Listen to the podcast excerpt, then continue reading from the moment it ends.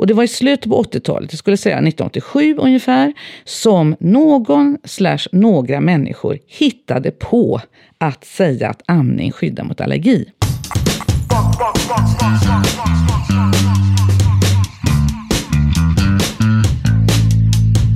Du lyssnar på Akademiliv, det är en podcast från Sahlgrenska akademin och jag heter Elin. Och jag heter Pontus. Och vi är kommunikatörer vid Sahlgrenska akademin och Göteborgs universitet. Och idag så pratar vi med Agnes Wold som är professor i klinisk bakteriologi. Och vi ska prata om tarmar och allergi och en och annan hälsomyt, tänkte mm. vi. Välkommen! Tack! Välkommen! Du är ju en av eh, få forskare får man ju säga som har en Wikipedia-sida upptäckte jag när jag höll på att göra research inför den här eh, podcasten. Och där kunde jag läsa att din morfar faktiskt var en av Sveriges, eller var, var Sveriges första Nobelpristagare. Mm, Svante Arrhenius, han fick Nobelpriset i kemi 1903. Det måste ju varit ett, ett arv för dig när du började på din akademiska bana. Ja, alltså han dog ju 1927 och jag föddes 1955. Så jag har aldrig träffat honom. Han dog ju tyvärr när min mamma var 13 år då. Mm. Eh, och, eh, men eh, det har ju alltid funnits med mig speciellt eftersom ju då han höll ju på, han skulle inte få bli docent. Han blev ju utkörd då från Uppsala universitet för att eh, eh hans forskning var så kontroversiell. Det var han som kom på då den så kallade dissociationsteorin. Att eh, om man har ett salt som består av natrium och kloridjoner då. Eh, så leder den inte ström, men om man, eh, en saltkristall, men om man smälter den så leder den ström och man löser upp den i vatten. Och det här var elektrokemi då, och den, det var så nytt så att den bedrev han på Stockholms högskola som då inte var ett universitet. Men de hade inte examensrätt utan då fick han eh, doktorera på Uppsala universitet. Och det var ju totalt förstockat och odugligt på alla sätt. Och han hade eh, då två personer i betygskommittén som inte förstod sig på det här. Så att han fick då inte så kallat docent-AB på sin eh, avhandling. Så att han var ju stoppad eh, i sin vetenskapliga karriär. Så att eh, jag har ju vuxit upp med den, eh, den historiken.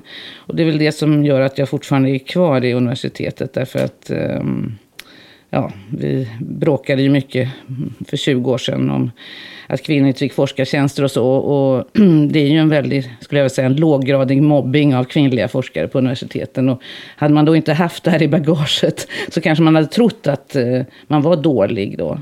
Mm. Men det har jag ju, jag har ju aldrig trott på eh, sådana här auktoriteter och så, tack vare detta förmodligen.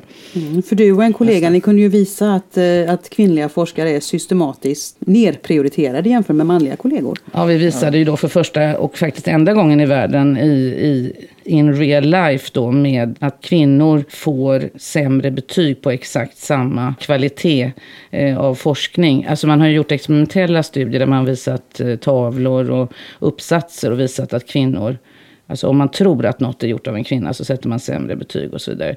Men eh, av någon anledning så trodde ju forskare att de var immuna mot det här, men det är de ju inte. Och, den här, eh, och vi blev ju väldigt avskydda för detta av hela forskarvärlden. Inte hela, men de övre delarna av den.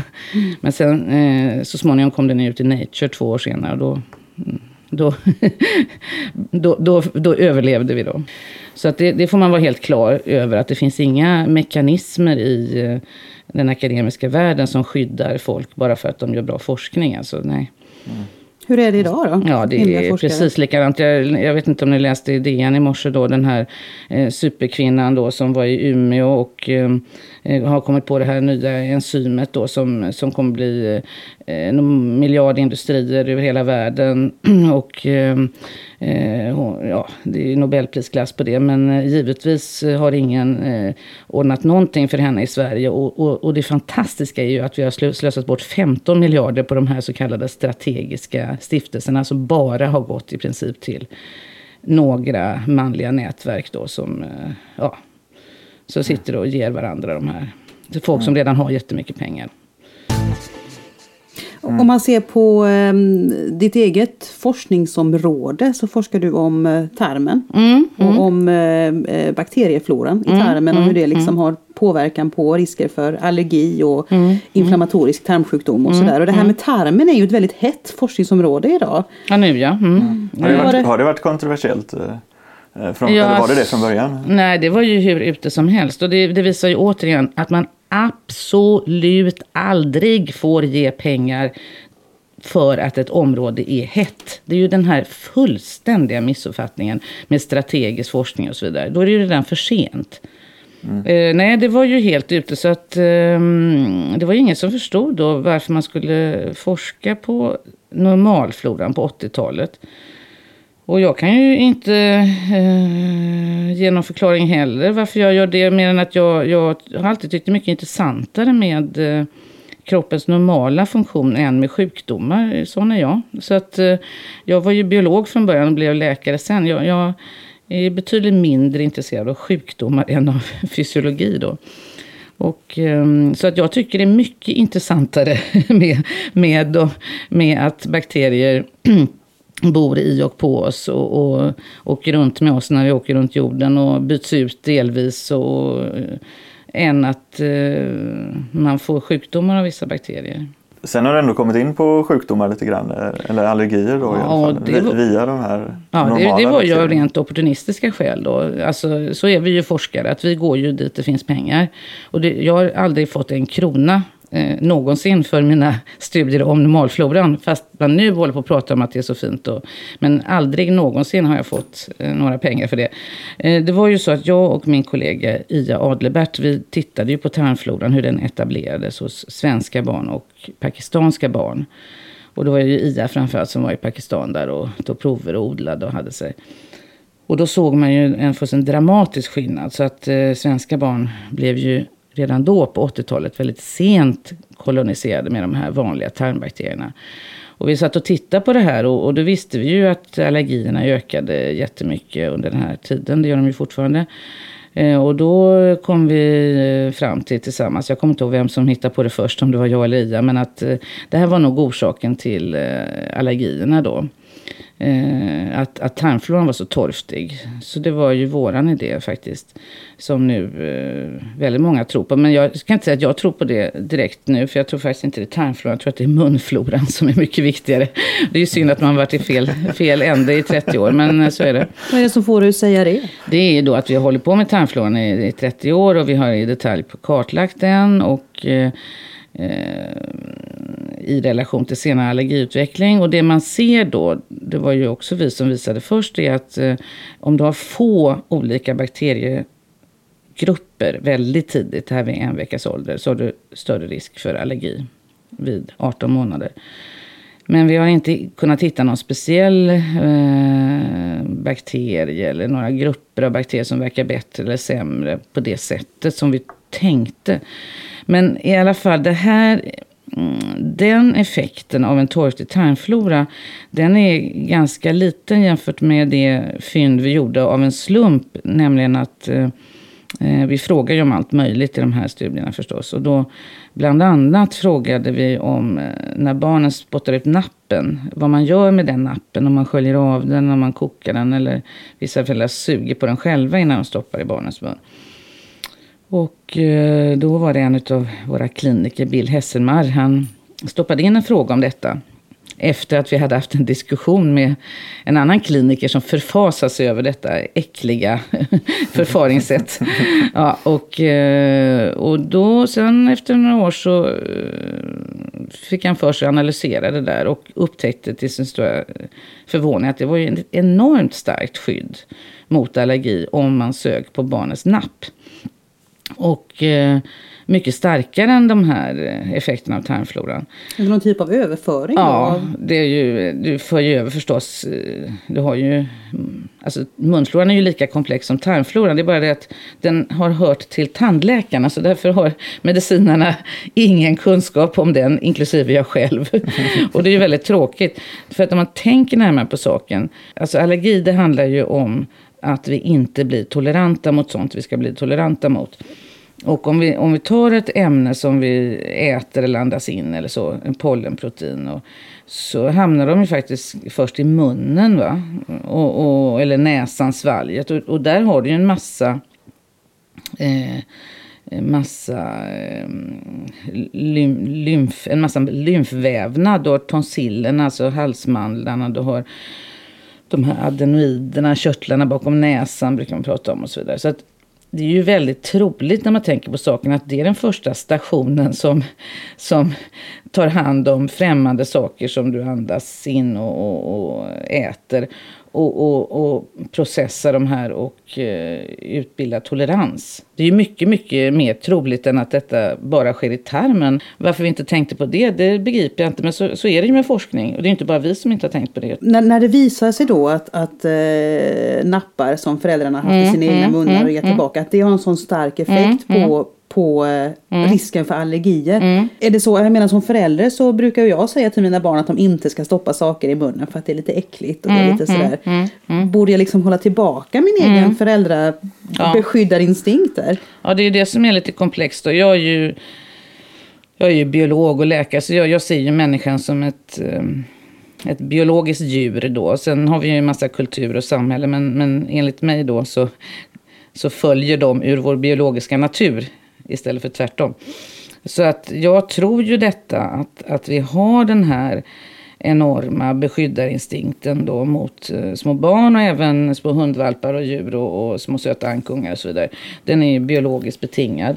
Och eftersom vi i två miljoner år har levt med det överväldigande hotet från infektionssjukdomar så ligger det i vår natur att skydda barn och eh, liksom eh, bädda in dem och hålla dem borta. Och det är inte så lätt att eh, förstå då, man kan förstå det intellektuellt men känslomässigt att problemet i vårt samhälle är inte infektioner. Det är förmodligen ett problem att vi har för få infektioner. Eftersom alla människor tycker illa om att, att vara förkylda och så vidare. Och så, det är bara att titta i tidningarna och höra på de här eh, hysteriska ungdomarna på sina eh, podcaster som sitter och, och, och eh, oroar sig för sina små förkylningar. Alltså det, det är ju väldigt få som oroar sig för att de ska få immunregleringssjukdomar. Men det är klart att det är mycket, mycket värre om du får typ 1-diabetes, inflammatorisk tarmsjukdom och allergi. Som är ju då konsekvenserna av eh, att vi har så få infektioner. Det, det får vi oroa oss för det, i den här podcasten då istället. Ja, ja. ja. Och, Men, och, och, så säga, det, och det, desto mer är det ju för sent. Så alltså, det här är ju eh, det tidiga livet då som... Eh, är det då allting avgörs? Ja, inte ja. allting, men kanske 90 procent. Så man utvecklar inte allergier om man inte, till 90 procent då kanske, mm. om man inte har liksom grundat för det. Eh, ja, det är väldigt... tvärtom. Man, man, utvecklar inte tolerans. Om man, alltså det, ja, det, det, det, vi måste, det är det som är problemet. Att man har ju allergi... Alltså det, det, är en immunologisk sjukdom. Det är ju en rent immunologisk sjukdom. Den befinner sig till 100% inom det här specifika immunsystemet. Då med, eh, inte det medfödda utan det förvärvade immunsystemet. Grundfelet är ju då att man inte utvecklar tolerans mot ofarliga saker som är främmande. Mm. Eh, och man kan jämföra det med autoimmun sjukdom där man inte utvecklar eh, tolerans mot sina egna proteiner och vävnader. Så man hade ju den här traditionen inom allergi att man ska undvika allting. Det var ju helt fel då förstås. Men eh, Eh, det berodde ju på att man inte förstod att eh, felet är brist på tolerans. Man trodde att felet var att man utsattes för de här ämnena, allergenerna. Man kallar dem ju till och med mm. allergiframkallande ämnen. Det är ju ett helt felaktigt begrepp, för det är inte de som framkallar allergin. Allergin är mm. ju sjukdomen som människan har. Som, som, för att som, man inte tål helt normala ämnen? Ja, allergi betyder förändrad reaktivitet. Alltså det är en sjukdom hos ditt immunsystem som mm. har en förändrad reaktivitet, en ökad reaktivitet mot sånt som är ofarligt. Just det. Ja. Ämnena är snälla egentligen. Ämnena är Pollen ju då... Och, och ja, exakt. Det är sådana här väldigt vanliga och snälla saker. Och det, det är då i Sverige är det björkpollen och komjölk och ägg och katt. Och i Italien så är det eh, pollen från cederträ och eh, proteiner i apelsiner och olivolja och så vidare. Så att det, det, är liksom, det är alltid ett sortiment av eh, sådana här gamla hedliga saker som vi alltid har fått i oss. Mm. Jag vet att du är någonting på spåren som kanske kan göra det möjligt för oss att kunna vaccinera oss inom några år mot och, ja, och inom några år, ja, det var väldigt optimistiskt. det, alltså vi, att vi ska kunna vaccinera oss om några år, det, det, det är uteslutet. Kanske om man har riktigt tur kan vi vaccinera våra hundar mot allergi. Ja, det är så att hundarna har ju nu, som också lever i det här moderna rena samhället, de har ju också blivit jätteallergiska. Och det har ju blivit deras också vanligaste sjukdom, precis som allergi är den vanligaste sjukdomen hos människor.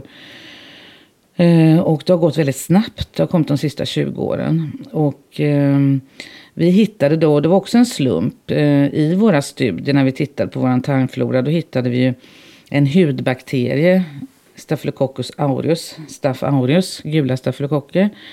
Eh, som är en vanlig hudbakterie, man har den i näsan och sådär.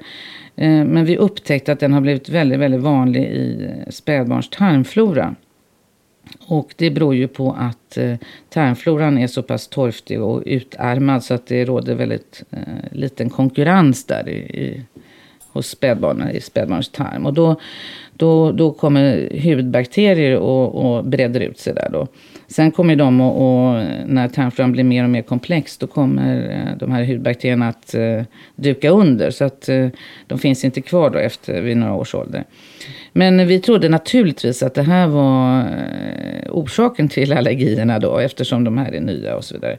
Så vi blev ju jätteglada och så började vi analysera och då till vår stora förvåning så såg vi att tvärtom, de här om man hade den här Staph aureus i tarmfloran väldigt tidigt, nu pratar vi om de första två veckorna, då fick man inte födandesallergi som är en av de tidigaste symptomen på allergi. Och det var ju ingen som trodde på oss då förstås. Och det är ju alltid en fördel när man är forskare för då kan man ju få vara i fred några år. Så att det, därför att då, då hade man en eh, teori om att Staph gav allergi. Det trodde ju vi också från början, men eh, det hade slagit rot då bland folk. Ja, och då får man ju fråga sig, finns det något särskilt med Staph aureus som skiljer den från alla andra bakterier? Och det finns det då. Och det är att den producerar toxiner, alltså gifter, som eh, kallas superantigener. Och det är de som ger upphov till matförgiftning. Om ni vet, man äter en gammal gräddtårta eller majonnäs som har stått på en buffé. Ja, i alla fall. Så, så, och vad gör de här toxinerna? Jo, de aktiverar då jättestor andel av alla T-lymfocyter. Så att ett vanligt antigen då, komjölksprotein, kanske aktiverar en hundradels procent av alla T-lymfocyter. Vi har ju kanske en miljon specificiteter det är ju så immunsystemet ser ut. Vi har en enorm mängd specificiteter. Och så kommer ett antigen in och så de som lymfocyter som är specifika börjar aktiveras. Och det är ju normalt att bara en jätte, jätte, jätteliten andel, långt under 1 procent, som aktiveras av i ett visst immunsvar. Men de här superantigenerna, de har ett sätt att binda då till eh, T-cellernas receptor, binda ihop dem med den cellen som presenterar antigenet för T-cellen. Så att kanske mellan ja, ungefär 10 procent av alla T-celler tror att de har träffat sitt eget antigen och börjar dela sig och bli jätteaktiverade. Eh, så att det, det, är ju rimligt då, i och med att det är bara stafylokocker och även då de här streptokockerna man får halsfluss av. De bildar också sådana här liknande toxiner då, med samma effekt. Men inga andra bakterier. Och, och, då är det ju rimligt att tro att det är de då som orsakar det här skyddet. Och det är ju ganska logiskt därför att om vi nu säger att eh, vi, vårt immunsystem är inställt på att vi träffar hundra olika bakterier och virus under vår första, första två veckor. Och istället får vi tio för att vi har det så rent mm. omkring oss. Eh, så, så får ju immunsystemet en mindre stimulans. Och på något sätt som vi inte alls känner till så leder detta till felreglering och allergi. Om vi då tar ett superantigen från en stafylokock som växer i tarmen så sätter det på 10% av alla T-lymfocyter. Alltså tror immunsystemet att vi har träffat på 100 eller 1000 eh, olika bakterier. Det är så vi, vi ser det då. Det är vår teori då. Så även om, om ni inte vet exakt hur det går till, hur man får sitt skydd om man säger, mm. så är det klart nu att om man stimulerar liksom immunsystemet när man är så ung då, mm. då så blir det bättre. Ja, jag anser att det är klart. Men sen finns det ju alltid en massa folk som tror att det beror på inomhusmiljön och ja.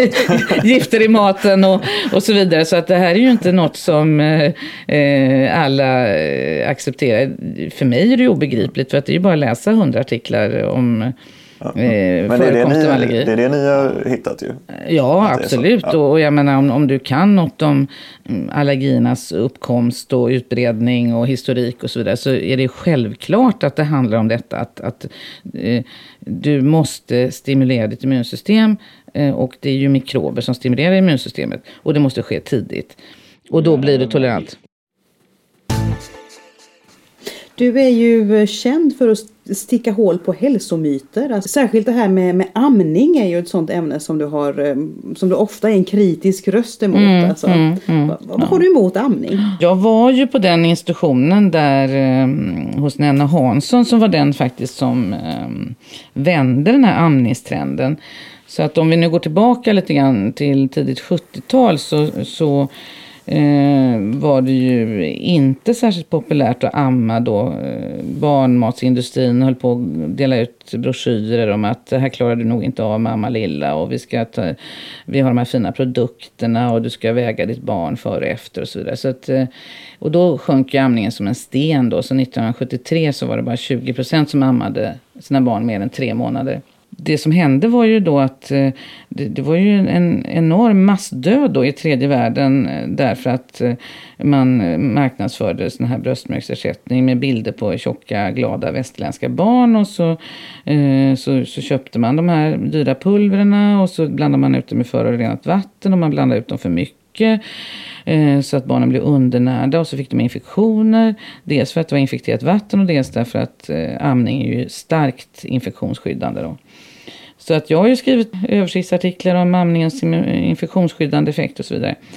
Eh, och det är ju fine. Men eh, så amning är ju, ger ju jättebra näring förstås och infektionsskydd. Vilket ju under våra första två miljoner år har varit eh, det avgörande för våran, vårat liv då.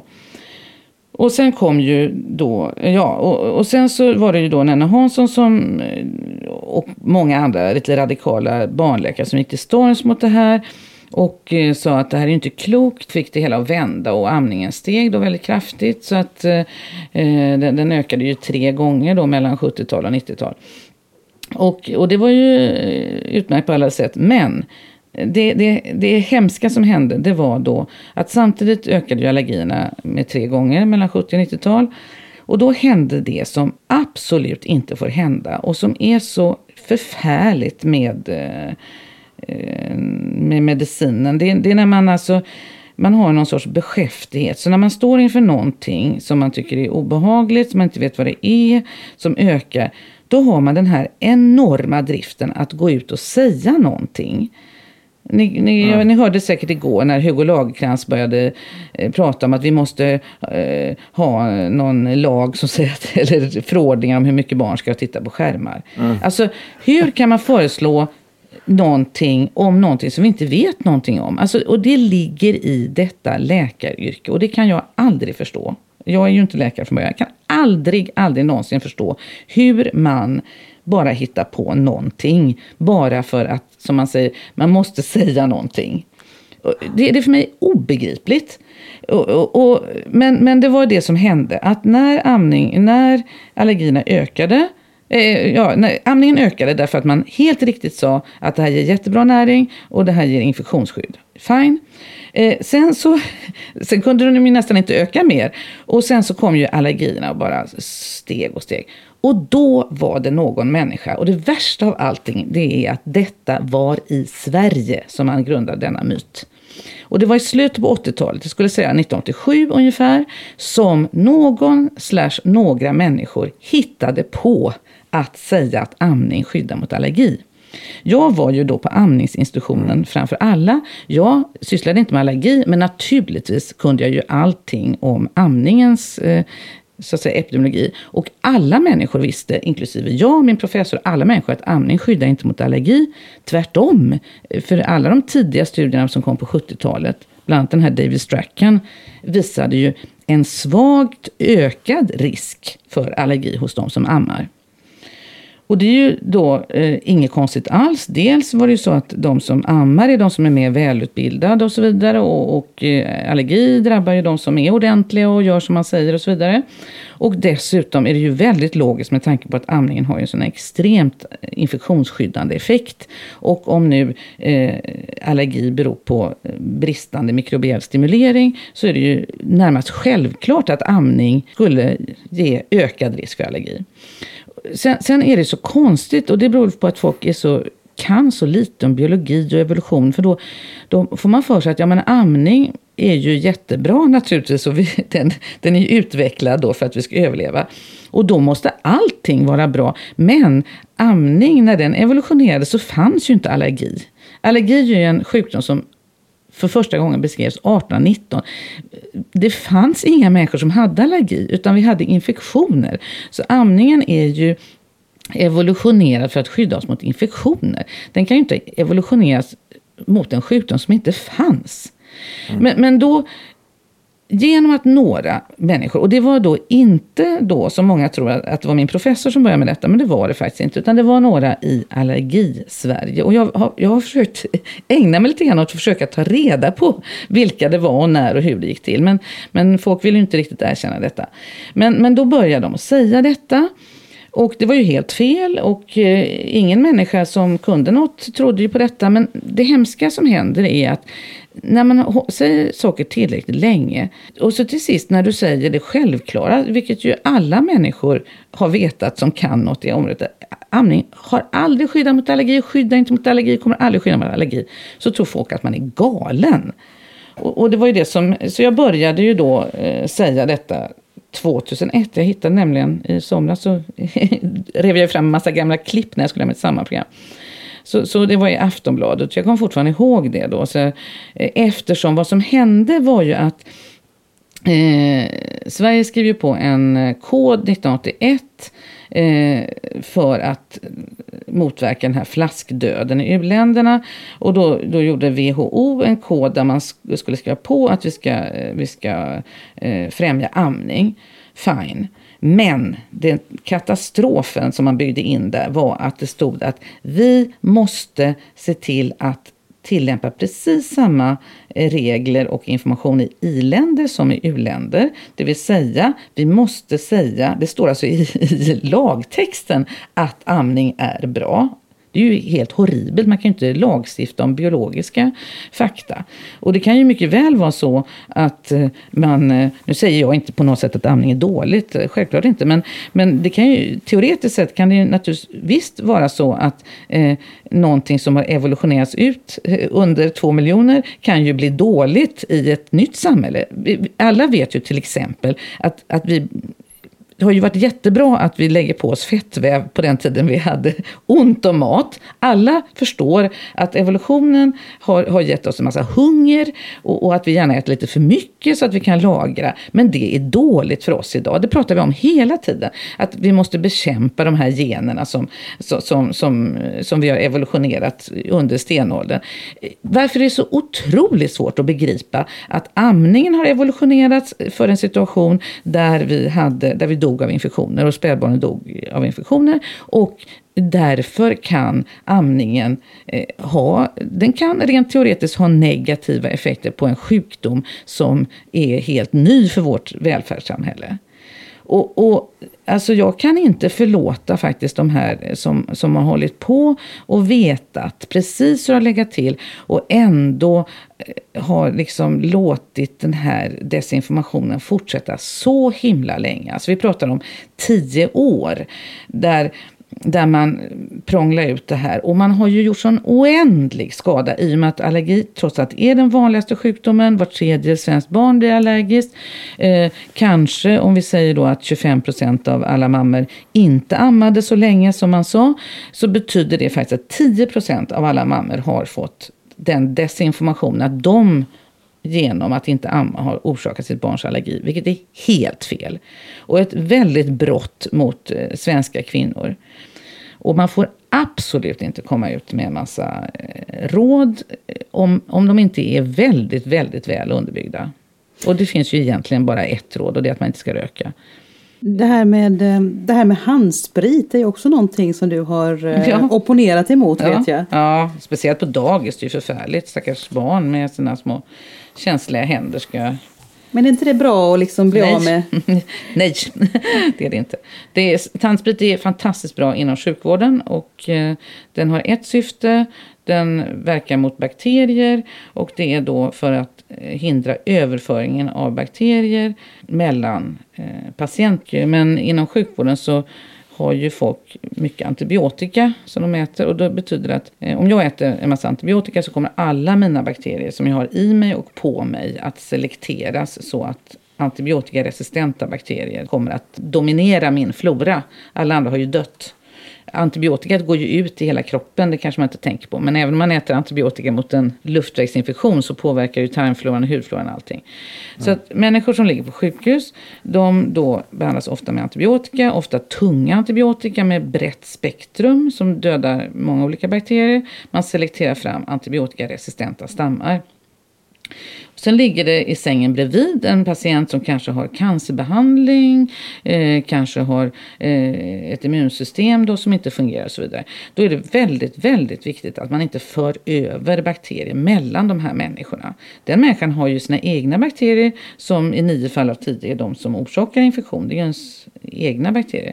Men man vill till varje pris hindra överföringen mellan folk och det vet vi jättemycket sedan 70-talet och framåt hur bakterier sprids på sjukhus och de sprids via personalens händer.